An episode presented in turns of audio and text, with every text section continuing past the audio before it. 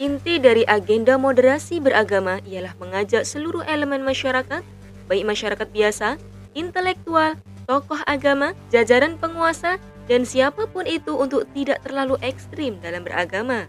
Diharapkan pada penganut suatu agama untuk lebih terbuka dalam menerima keberagaman yang ada, tidak menganggap hanya agamanya lah yang paling benar.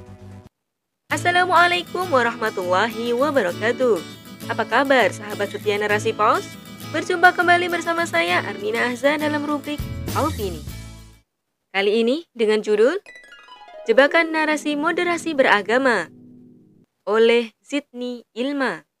Simak selengkapnya dalam podcast Narasi Pos, Narasi Pos Media, cerdas dalam literasi, bijak menangkap peristiwa kunci.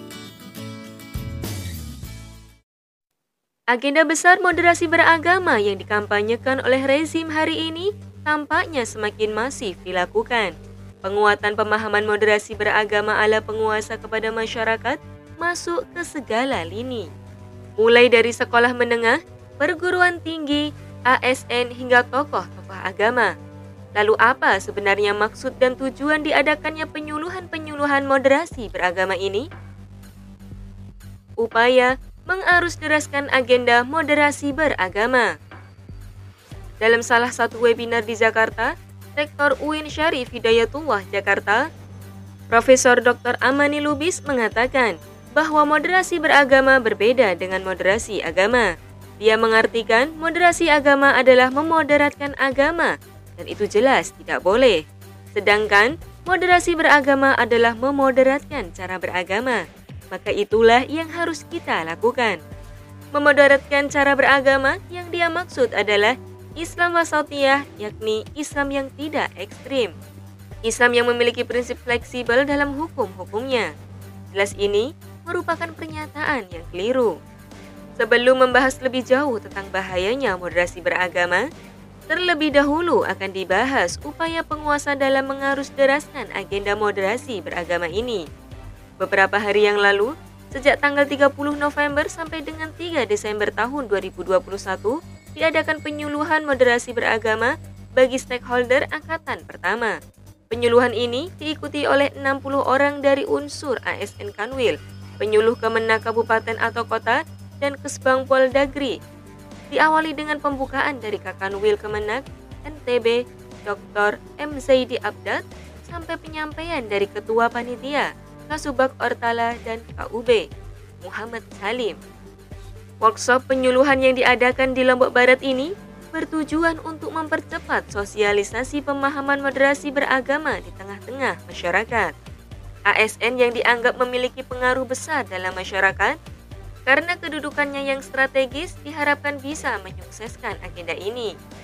Sebelum itu, pada bulan Juni tahun 2021, tepatnya di lingkungan kantor Kementerian Agama Kabupaten Sumbawa, diadakan diklat peningkatan kinerja staf dan diklat moderasi beragama. Para peserta yang hadir terdiri dari ASN, penyuluh PNS, dan penyuluh PNS. Dalam kesempatan tersebut, turut hadir pula Kepala Kantor Kementerian Agama Kabupaten Sumbawa, Dr. Andes Haji Samsun Ilyas MSI. Sebagai pembuka kegiatan, serta Kasubag TU Haji Marsugi SPD, penyelenggara Hindu Aiwayan Wastra SAG, dan segenap panitia pelaksana dari BDK Denpasar. Saat memberikan sambutan, Dr. Andes Haji Samsun Ilyas, MSI menekankan terkait pentingnya moderasi beragama ini. Fakta mengatakan bahwa kita hidup di tengah-tengah perbedaan. Dalam artian, praktik pengamalan ajaran agama harus berlandaskan nilai-nilai kemanusiaan dan kemaslahatan bersama agar tercipta kerukunan dan kutub yang berbeda atau pandangan yang berbeda akan menjadi sesuatu yang sangat indah. Targetnya adalah Islam. Sangat jelas terlihat betapa gencarnya rezim hari ini dalam mengampanyekan agenda moderasi beragama. Tentu tidak hanya di Lombok dan Sumbawa, tetapi di seluruh kota bahkan pelosok daerah yang ada di Indonesia. Begitu serius, sampai-sampai pemerintah mengucurkan anggaran dengan nominal yang tidak main-main.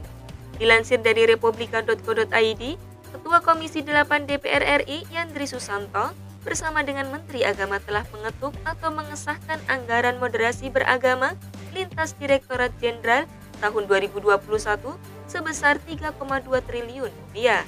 Bahkan ia mengatakan bahwa anggaran ini sebenarnya masih sangat kecil jumlahnya. Namun kecilnya anggaran tak jadi masalah baginya. Asalkan dipastikan bahwa negara ini sungguh-sungguh bisa menjadi negara yang menjaga persatuan dan kesatuan. Jadi menurutnya, negara ini bisa bersatu jika mengedepankan moderasi beragama. Hal ini sempat menjadi perbincangan sekaligus pertanyaan di tengah-tengah publik. Mengapa untuk agenda moderasi beragama ini, pemerintah bisa mengeluarkan anggaran yang sebenarnya tidak kecil, sedangkan untuk hal-hal lainnya sangat sulit? Bantuan sosial pandemi COVID-19 yang dihentikan atau insentif para nakes yang belum juga cair misalnya.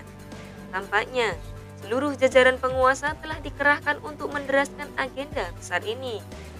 Tak heran memang, karena proyek moderasi beragama ini merupakan bagian dari rencana pembangunan jangka menengah nasional tahun 2020 hingga 2024 dan telah ditegaskan oleh Presiden Joko Widodo untuk terus dimasifkan oleh pemerintah. Inti dari agenda moderasi beragama ialah mengajak seluruh elemen masyarakat, baik masyarakat biasa, intelektual, tokoh agama, jajaran penguasa, dan siapa pun itu untuk tidak terlalu ekstrim dalam beragama.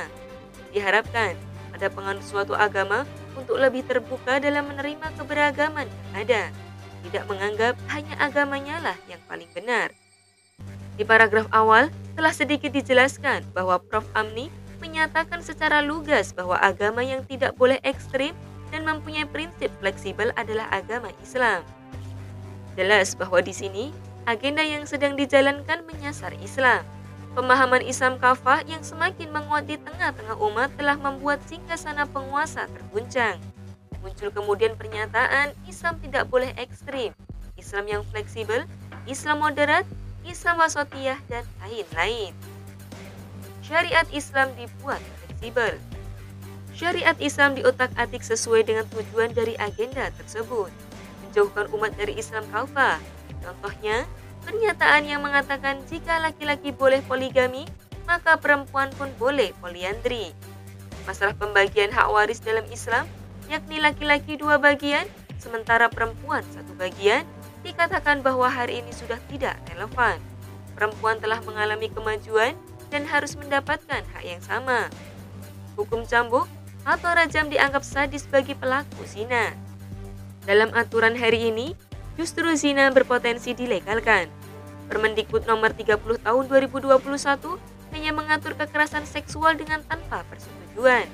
Sedangkan perbuatan seksual dengan persetujuan yang jelas-jelas dalam Islam itu merupakan zina, tidak ada aturan yang mengaturnya. KKB yang berulah dibiarkan saja, sedangkan seorang ulama bisa dijerat dengan pasal karet. Nikah yang dinamakan menjaga kerukunan, persatuan, dan kesatuan? Apatah lagi jika kita membahas syariat tentang jihad dan khilafah. Kedua syariat tersebut telah dipindahkan dari materi fikih ke materi sejarah. Penguasa terus berusaha mengaburkan makna yang sesungguhnya. Itulah yang tengah terjadi pada agenda moderasi beragama ini.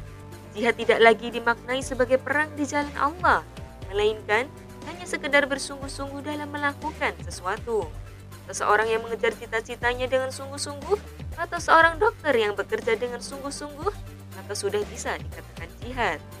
Begitu juga dengan khilafah. Dikatakan bahwa khilafah sudah tidak relevan atau tidak cocok diterapkan di tengah-tengah keberagaman agama yang ada di negara ini. Padahal, seluruh ulama aswaja, khususnya imam empat mazhab telah bersepakat wajibnya menegakkan khilafah. Untuk itu, jangan tertipu dengan agenda moderasi beragama yang sebenarnya hanyalah kedok untuk mengotak-atik syariat dan menjauhkan umat dari pemahaman Islam kafah. Wallahu a'lam bishawab. Sekian dulu perjumpaan kita. Nantikan dalam opini-opini lainnya. Saya Armina Azza, pamit terlebih dahulu. Bunga mawar bunga melati. Semoga khilafah Islamiyah tegak kembali. Barakallahu fikum. Wassalamualaikum warahmatullahi wabarakatuh.